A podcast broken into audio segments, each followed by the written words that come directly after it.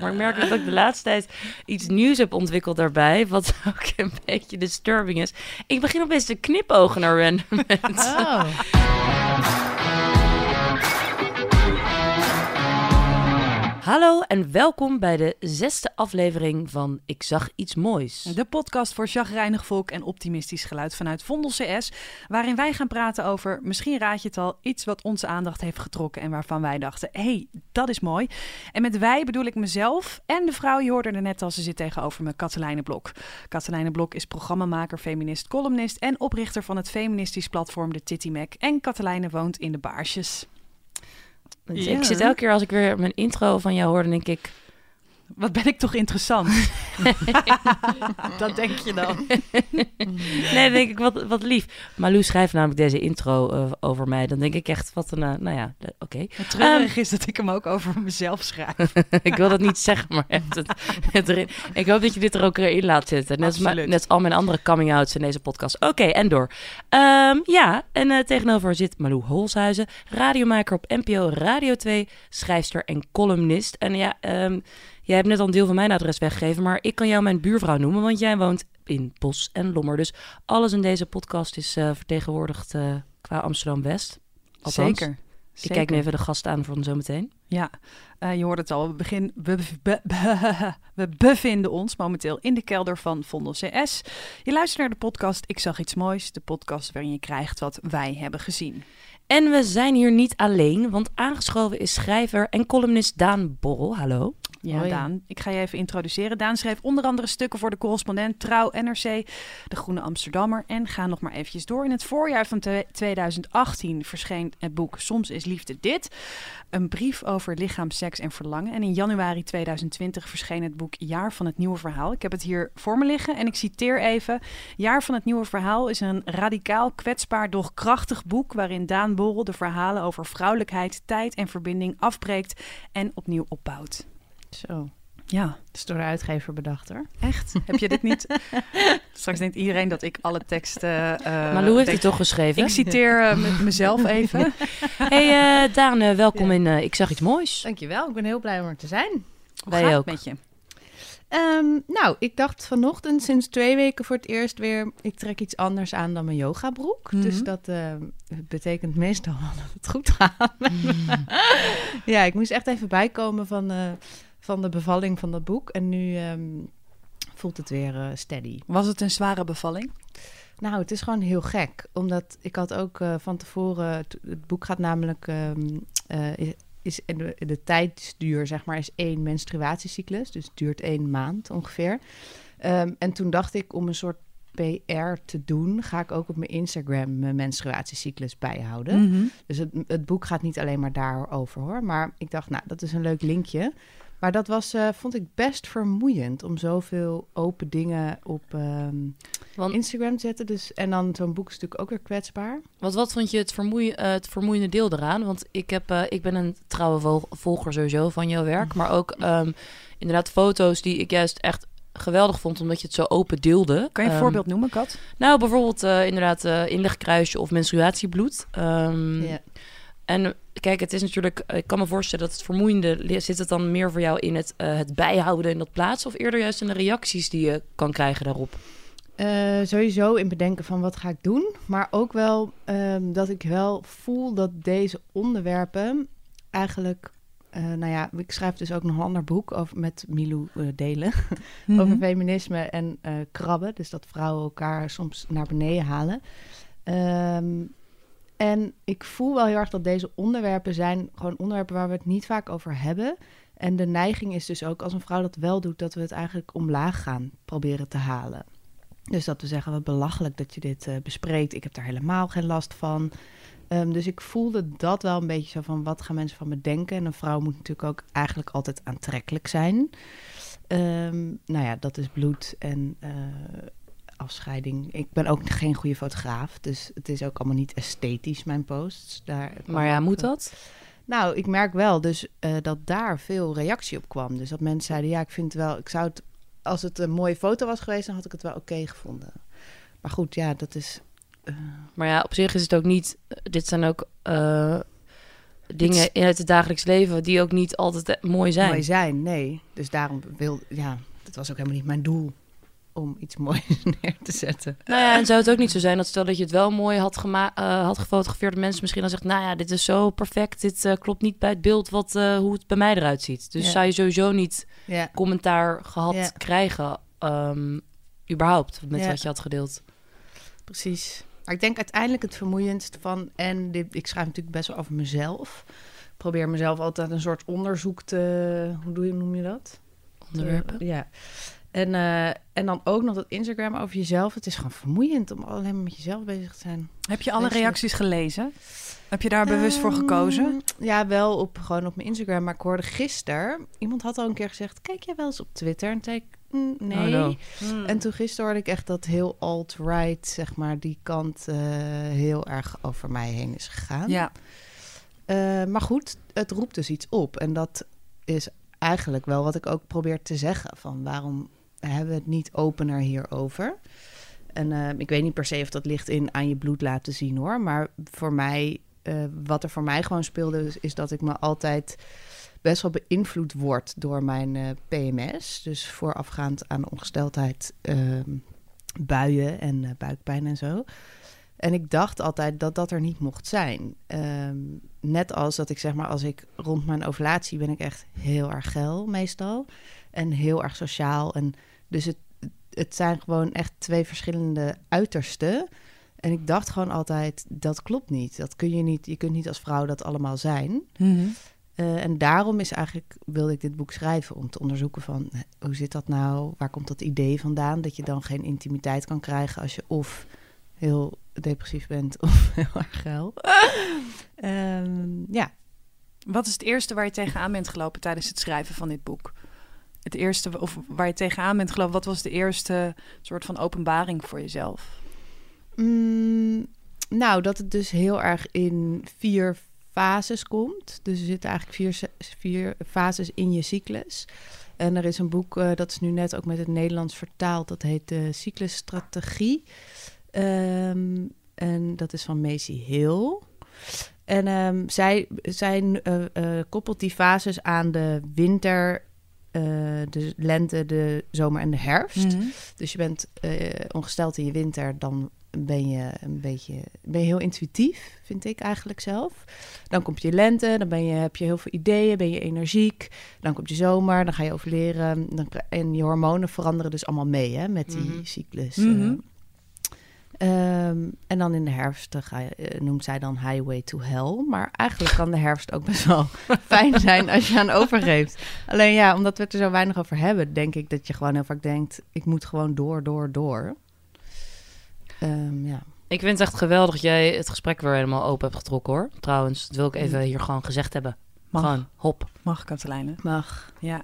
Jullie staan eh, samen in hetzelfde item, dus niet met z'n twee op een foto, in de, in de Linda. In de Linda Meiden. Ja, Ja. klopt. Eh, het is Heet Vechten voor je rechten, heet de titel van, eh, van Ja. de reeks. Er staan verschillende portretten in. Ehm, iemand die eh, in de politiek actief is. ehm, iemand die ehm, actief is ehm, en zich uitspreekt tegen racisme. Eh, en ehm, daarnaast is er, eh, Daan staat er natuurlijk in.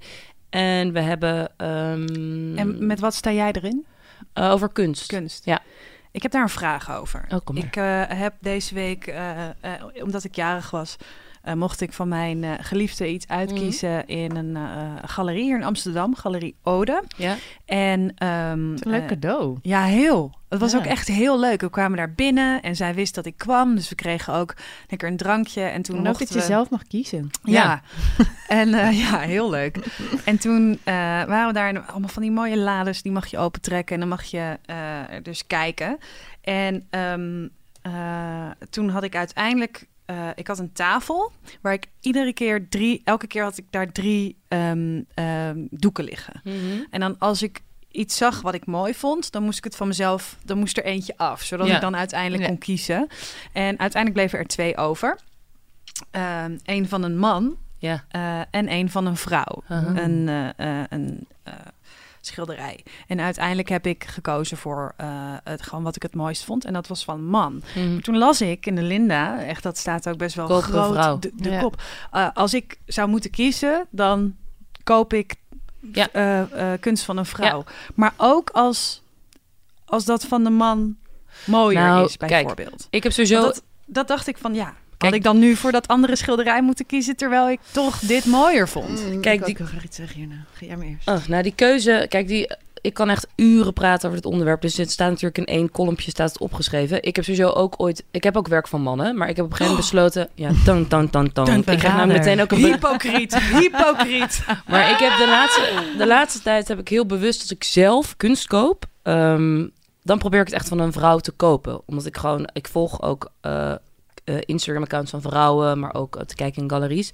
Ik heb bijvoorbeeld een tijd terug nog het werk van een man eh, cadeau gekregen van mijn oma. Nou, dan ga ik niet zeggen Fik erin. Oma eh Brand, want het is echt een prachtig werk van echt een geweldige kunstenaar.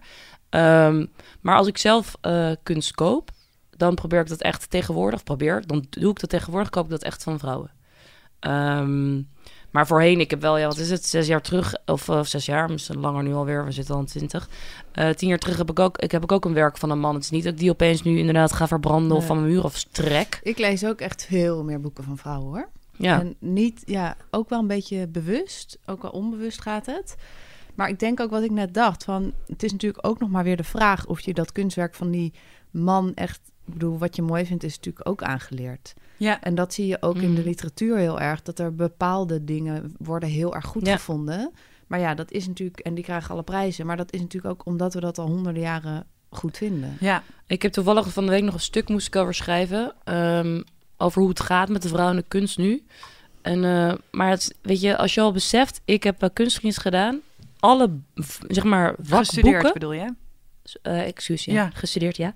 Ehm, alle boeken, dus waar zeg maar een overzicht staat van eh, de kunstgeschiedenis van eh, tot... huh. Ja. Ten eerste zijn die allemaal geschreven door mannen. Mm. Ehm, nou, dan weet jij, als, kijk naar jullie allebei als schrijvers, heb je, je neemt gewoon wel je eigen visie daarmee. Nee, ja.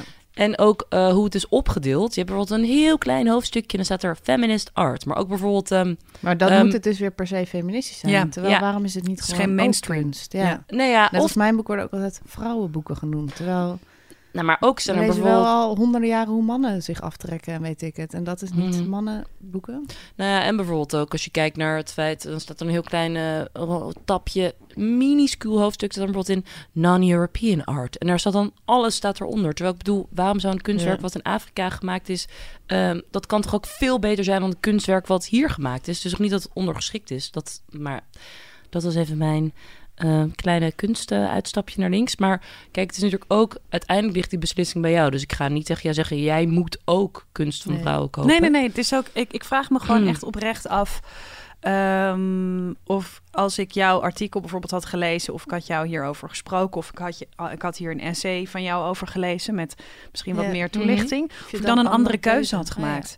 Maar het was wel, ik moet wel zeggen dat ehm, ehm, dit kunstwerk lag wel de hele tijd op tafel. Ja. Het lag er en ik was er meteen heel erg verliefd op. En ik wist eigenlijk pas aan het einde ging ik pas kijken van wie is het. Ja. Ja, maar je Ja, nee, maar dan is het toch... Ja. Kunst is toch ook iets wat je moet, het moet iets losmaken bij. Dus of het nou eh, juist helemaal niks losmaakt, wat je het prachtig vindt, juist helemaal niet.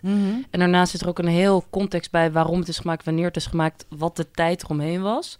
Maar kijk, wat hetzelfde is, doordat ik me steeds meer erin ben gaan verdiepen, heb ik nu de beslissing gemaakt ehm, juist van vrouwen Ja. te kopen. Dus het is ook inderdaad Om van, het een soort van recht te trekken of zo. nou ja, en meer van dat ik, ehm, ehm, doordat ik er meer over ben gelezen, meer over ben gaan praten, meer over ben gaan schrijven. ehm, misschien ook ergens wat jij zegt, ik lees veel van vrouwen, dat je dan, ik ben er, er nu ook de hele tijd bewust van. Dus ik had, eh, wat is het, tien jaar geleden had ik ook niet dat ik dacht, eh, oké, eh, in een galerie kunt u alle werken van vrouwen nu tevoorschijn trekken. Mhm. Eh, laat de mannen maar weg. ja. Ja. Want het ligt natuurlijk ook aan het aanbod. Hè? Als je in een galerie bent waar bijvoorbeeld eh, van de tien werken negen gemaakt zijn door mannen. Ik denk ook dat het ligt aan wie er aan het roer staat, of dat een man of een vrouw is. Ja. In hoeverre dat eh, belangrijk wordt gevonden. Maar we houden het in ons achterhoofd, eh, Malou. Ja, Deze keuze van jou. oké. ja. ja, dat jullie bij mij thuiskomen, dat ik lekker voor jullie ga koken. En dan, ah ja, dit, ja, mooi. Erg mannelijk, maar mooi. Ja, Ja. ja. patriarchaat aan de muur. En daarnaast wil ik trouwens ook nog zeggen dat de mannelijke kunstenaars niet dat die allemaal nu moeten stoppen van mij met schilderen of met beeldhouw of wat dan ook. Kappen. Ze moeten een hand inleveren. ter. Nee. Ehm, eh, Even weer terug naar, naar jouw boek Ja. en, en de cyclus. Mhm. Ehm, eh, heeft dat ook verschil met hoe jij eh, naar buiten gaat? Jij wandelt heel veel, dat weet ik toevallig. Ja. Hoe jij naar buiten kijkt. Ja, dat is zeker zo. Want in je lente, in je... Dus ik hoorde bij zo'n hond. Ja. Ehm, Door de microfoon. ehm, ja, even kijken hoor. Lente en zomer ben ik eh, energieker en veel meer naar buiten gericht. Terwijl in de herfst en winter ben ik helemaal in mezelf. Dus ik zie veel meer als ik ehm, eh, rond mijn ovulatie, ja. En dat, dat is natuurlijk ook met die... Je hebt dus oestrogenus in je eerste helft groeit eh, van je cyclus. Ehm, en dan... ehm, eh, eh, dat zorgt er letterlijk voor dat je dus meer naar buiten gericht bent. Ja. En met je progesteron, wat in de tweede helft van je cyclus is... word je meer voor je, ga je voor jezelf zorgen en meer naar binnen keren. Mhm. Zodat je het eventuele beguchte eitje eh, extra kans heeft op overleving. Maar goed, Ja. dit is heel erg natuurlijk allemaal biologie. We hebben natuurlijk ook nog allemaal cultuur. Dus ik wil zeker niet zeggen dat het... Je kan ook in je herfst heel veel zien. En in je herfst, ik ga het nog heel eventjes proberen duidelijk te verwoorden. Eén cyclus heeft dus vier seizoenen. Ja. Dat is wat je, wat Ja. je zegt, inderdaad. En waar zit je nu in? Ik zit nu eh, in mijn herfst. Ik ga bijna naar mijn winter toe. Maar ik merk omdat ik deze maand wel meer rust heb genomen... dat het dan minder erg ook is. Mhm. Ja. En je zei net, ik ben een sapkuur aan het doen. Ja. Ik kom nu al echt blijft over als een vreselijke millennial.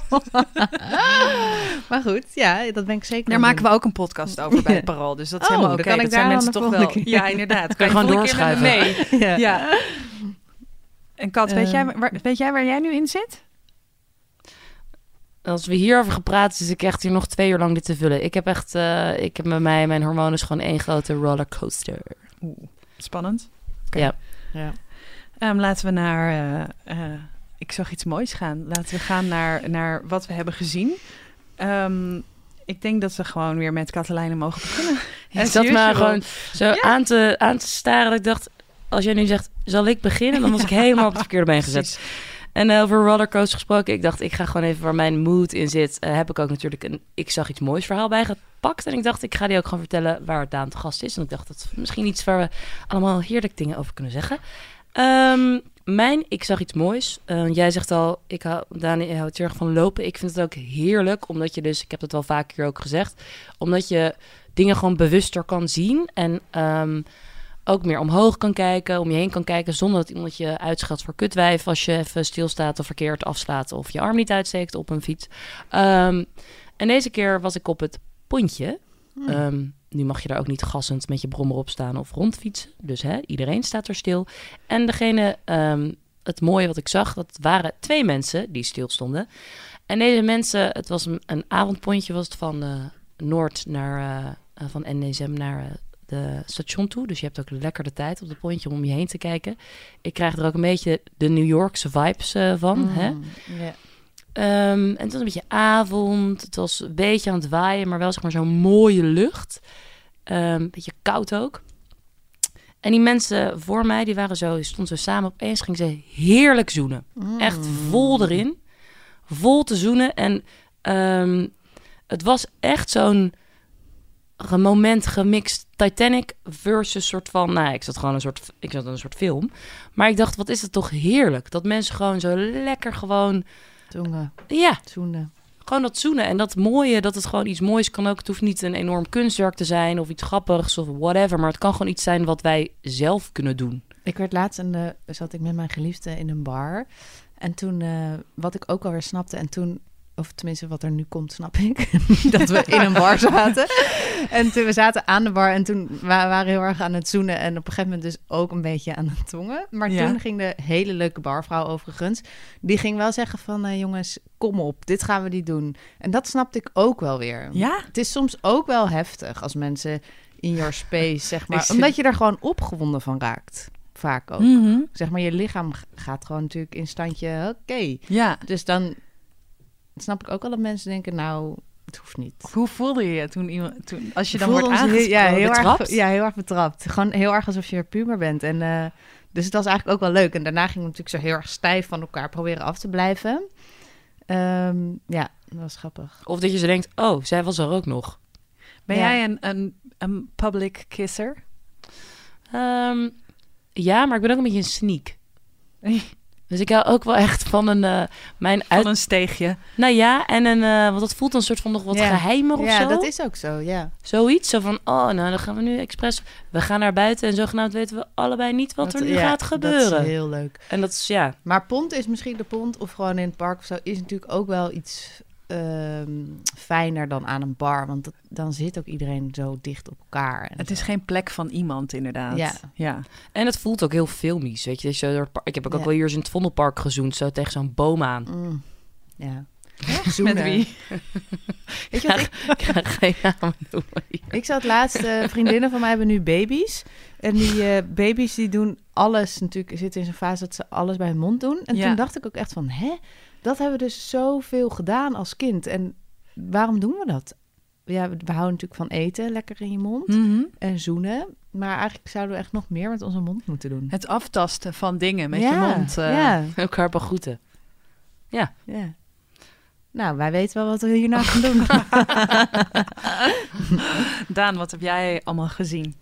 nou, ik moest eigenlijk heel erg denken aan een... eh, ik heb iets moois gelezen, wat heel Mhm. erg aansluit op jullie eh, podcast. Het heet namelijk Een vrouw apart en de stad. An Old Woman in the City van Vivian Gornick. En zij schrijft dus, zij woont in New York... en zij schrijft dus over dat zij wandelt door de stad en wat ze allemaal ziet. En dat het voor haar echt een soort... mm, Ze schrijft dan over, ook heel mooi over, ze is iets van 70 of zo, of 80.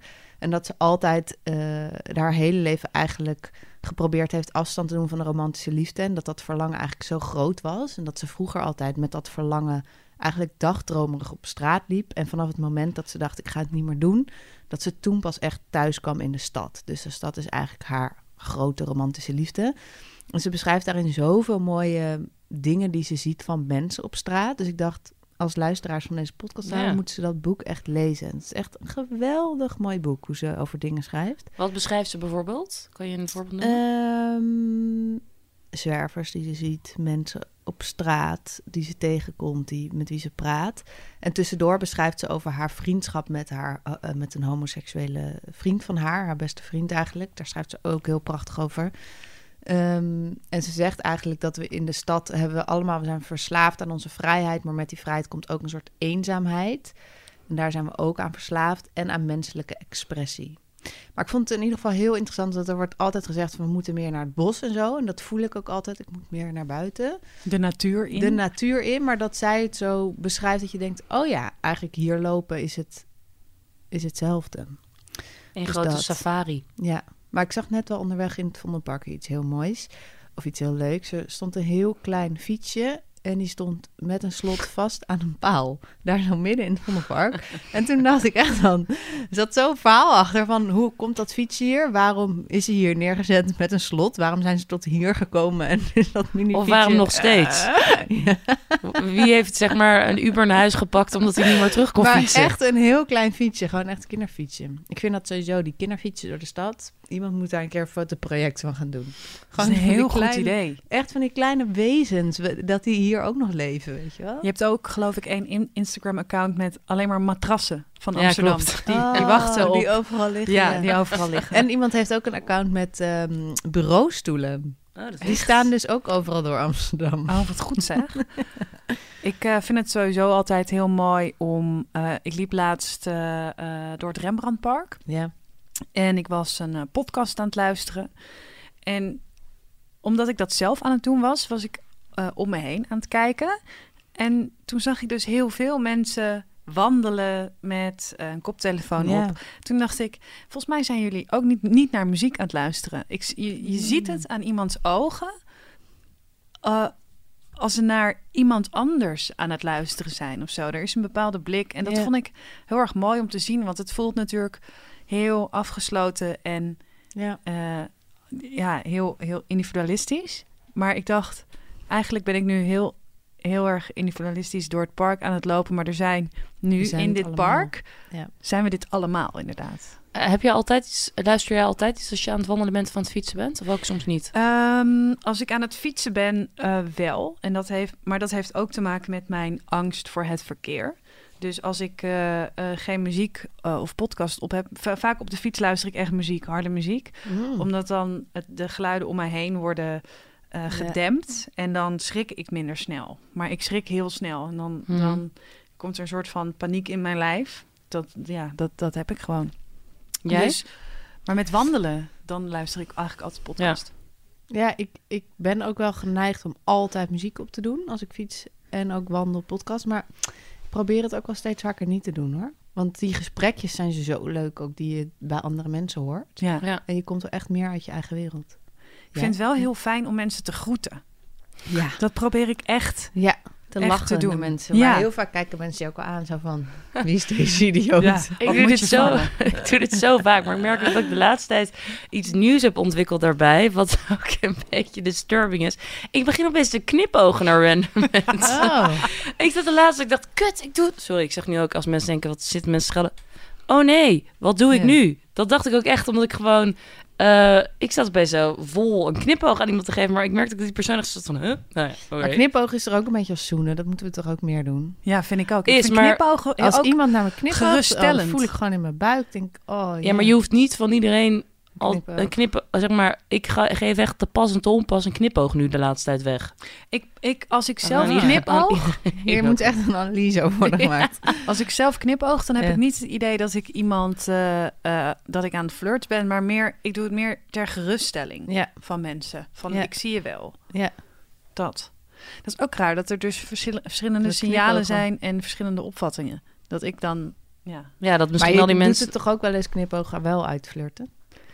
Eh, Met iemand eigenlijk wel die je al kent. Ik zou het misschien niet zo Ja, snel niet naar een vreemde doen. Ik denk dat mijn knipoog ook meer een geruststelling knipoog is. Ik denk niet Ja. dat, dat als ik nu een beetje naga, de laatste knipogen die ik heb uitgedeeld, denk ik niet dat daar een lading flirt achter zat. Hmm. Ja. Mijn moment eh, vond plaats in een, eh, eh, in een lunchroom. En dat was echt, je hebt, je hebt plekken waar je eh, gewoon lekker ontspannen kan zitten. Zoals hier bij Vondelse S. Je ziet mensen lekker een beetje relaxen. En je hebt ook plekken waar mensen komen eh, die, eh, die echt aan het werk zijn. En ehm, naast mijn uitgever, op de Weesperstraat is dat geloof ik, bij Ambo Antel, zit Ja, een ja. een lunchroom. En ja, daar komen eigenlijk alleen maar mensen die lunchafspraken hebben, zakelijke lunchafspraken. Oh ja. Dus dat, dat komt ook en dat gaat. Mensen zijn er ook gemiddeld maar een half uurtje binnen. Die gaan dan dan weer weg en, eh, en zo. En ik was daar, ehm, eh, om heel, ik had daar dus ook een afspraak. En ehm, nou ja, het is druk om je heen en je bent eigenlijk constant gefocust op je afspraak. Dus je kijkt niet echt om je heen. En ehm, ik reken af, ik deed mijn jas aan en ik draaide me om. En toen zat er in het midden van deze lunchroom zat een eh, meisje een boek te lezen, een jonge vrouw, een hele mooie vrouw ook. En eh zij was een boek aan het lezen en ze was duidelijk heel erg geëmotioneerd. Mm. Dus ze had een beetje betraande ogen. En zij ehm, was zo gefocust op wat ze aan het lezen was. En ze had haar boek ook niet, eh, ehm, niet op de tafel, maar ze had het zo een beetje omhoog. Ja. Zo zat ze, dus met haar ellebogen op tafel en dan het boek in haar hand. En haar mond stond een beetje open. En ja, je zag echt dat ze overduidelijk zo geëmotioneerd was. En dat vond ik in deze setting, was dat zo eh eventjes een momentje van... Oh ja, dit is gewoon... Zij stond stil eigenlijk. Ja, zij stond stil terwijl iedereen Ja. alleen maar bezig was met vooruitgaan en de volgende afspraak. En eigenlijk als je een zakelijke afspraak hebt, ben je alleen maar bezig met Ja. iets krijgen, weet Ja. je wel? Zag je Ja. welk boek het was? Nee, ik De zag niet welk boek het was. Sowieso die En het mooie was, Ja. het was jouw boek. Ik krijg er zelfs een, krijg een deel van de, op, eh, van de opbrengst vandaan. Vandaan. ik heb Daan ook al een keer geïnterviewd over haar eh, eh, eerste boek. Ja, Eh, was heel leuk op Radio 1. Maar ik vond dat heel mooi. Ik dacht, eh, en ik dacht ook, zou ik dat durven? Zou ik me zo kunnen laten meeslepen in een, op een plek eh, waar je dus zo bekeken wordt? Eh, en dat heb ik eigenlijk ook een beetje met dat zoenen. Weet je wel? Durf ik dat? Overgave. Ja. Heb je wel eens gehuild ook op straat? Of ben je een... ik, denk, ja, ik huil echt bijna nooit. En nu, nu weet ik dat er één keer op werk bij BNN Vara een moment is geweest dat, dat ik heel hard heb gehuild. En dat was bij jou, Katelijne. Weet je dat Mm. nog? Ik denk ook dat dat echt een van... Ik huil bijna nooit. Wow, ik huil echt heel veel. Nee, ik huil bijna nooit. Dat was echt uit woede ook. Dat ik was zo Woedehuil. boos. Ja. En het was echt fijn dat ik jou toen tegenkwam. Want anders dan had ik waarschijnlijk iemand... eh, Neergehoekt. ja. dus dat. Maar dat... Nee, ik vind dat wel heel moeilijk. En zoen jij, zoen jij op straat? We gaan er gewoon even hier Ja. op door. Ik kus wel op straat, maar echt zoenen. Ik denk dat ik na een seconde of twee, drie me heel erg bewust ben van wat er om me heen gebeurt. Dat is sowieso Ja. wel mijn, mijn valkuil. Dat ik me constant bezig, heel erg bewust ben van alles. Maar dat, komt ook, dat heeft ook weer te maken met sensitiviteit en, Ja. en van alles. Maar nou, ik kan het moeilijk loslaten. Hm. Ja. Nou, treurig eigenlijk. Ja. Dus Nou ja, Misschien hoezo? moet jij dan toch wel buiten de stad gaan wonen. ja, precies. Of vaker in een donker steegje. Misschien moet jij wel gewoon naar het bos. In plaats van het Leidseplein de hele tijd. Ja. Ehm, Daan, wat ga je de komende tijd doen? Je zei net al, ik ben bezig met een boek. Ja, dat boek afmaken met Milou. Ehm, Milou delen. Milou delen, dat ga ik doen. Wanneer En komt het uit? Als het goed is mei, maar misschien wordt het juni als we het niet redden. Ehm, Hoe erg is dat? voor mij, ik vind het niet zo erg. Oké. Ik denk alleen wel dat er gevoelsmatig, eh, denk ik dat er in mei meer media-aandacht is. Mhm. En dat is natuurlijk wat je nodig hebt om boeken te verkopen. Dus mm, ja. En ik ben nog bezig met een toneelstuk te schrijven. Even allemaal tussendoor. Nou ja, nee, het is gewoon mijn hoofdbezigheid. Maar het lijkt eh, mij best, ehm, want we hadden het er net al kort over. Je hebt nu net een boek geschreven, het boek met Milou, een toneelstuk. Ja. Wel, het klinkt echt veel. Ja, ik heb ook wel zin om hierna een tijdje met verlof te gaan. nee, nee ook al, en ook alweer zin in losse artikelen te schrijven. Dat je gewoon zo van, oh ja, ik ga dit nu deze week maken en dan is het af. In plaats van te denken, er ligt nog zo'n berg voor me. Ja. Eh, wat heel fijn is ook hoor. En echt een luxe, luxe probleem dus. Ehm, ja, eh, maar valt genoeg te doen. En ik heb zin in de lente. Het is vandaag weer een soort zon. Dus Hey, heb jij, als jij een werk afmaakt, een, ehm, heb je dan, hou je nog steeds ervan? Dus als zo'n boek wat nu naast Oeh. Milou ligt, heb je dan, heb je, Goeie vraag. Ja. heb je als je, zeg maar, het boek met Milou of het boek wat hier bij Malou, eh, wat ze, het eh, jaar van nieuw verhaal, als je het dan, denk je dan nog steeds van, ah, Nee, mijn eerste boek, ehm, soms is dit, heb echt een soort eh, haat-liefde verhouding mee gehad. Het was echt zo van, oh, ik hoef er nooit meer in te kijken. Maar dit boek ben ik nu eigenlijk wel blijer mee. Voel ik wel zo van, ja, het mag er zijn en het is nog niet perfect, maar we moeten gewoon dingen maken om weer Ja. door te kunnen.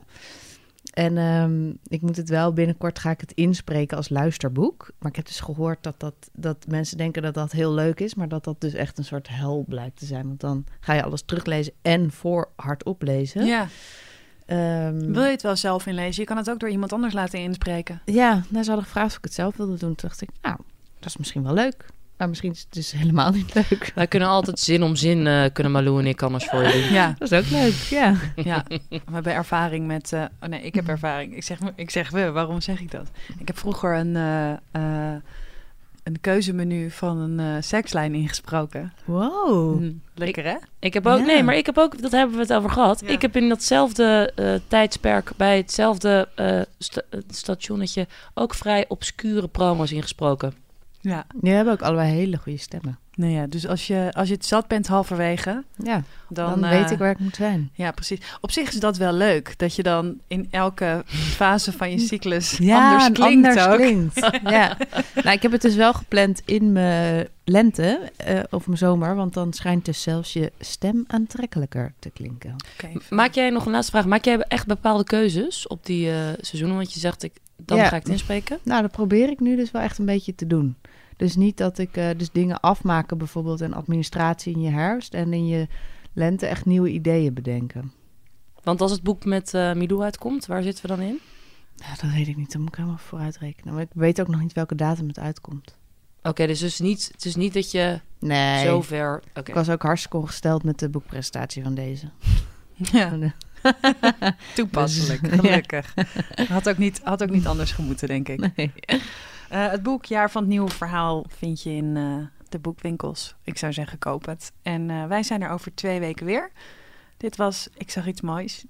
Nou, ik, eh, ik heb er maar niks meer gewoon aan toe te voegen. Ik zit heel, heel blij naar jullie alle twee te kijken. Mega dank, Daan. Dank jullie wel. Uh, Malou, dankjewel. En eh, tot de Oh volgende ja, keer. kijk om je heen. Het leven is mooi, dat zeggen we altijd. ja, ja, Kijk, kijk. om je heen. Oh ja, en dan nog het promotiepraatje. Eh, Oh, like alles wat je kan. En laat lieve comments achter. Onaardige comments mag je lekker thuis aan de keukentafel die mag houden. je lekker twitteren. Ja, daar zit ik namelijk niet. Nee, en niemand van ons. Oké, doei. Oké, dag.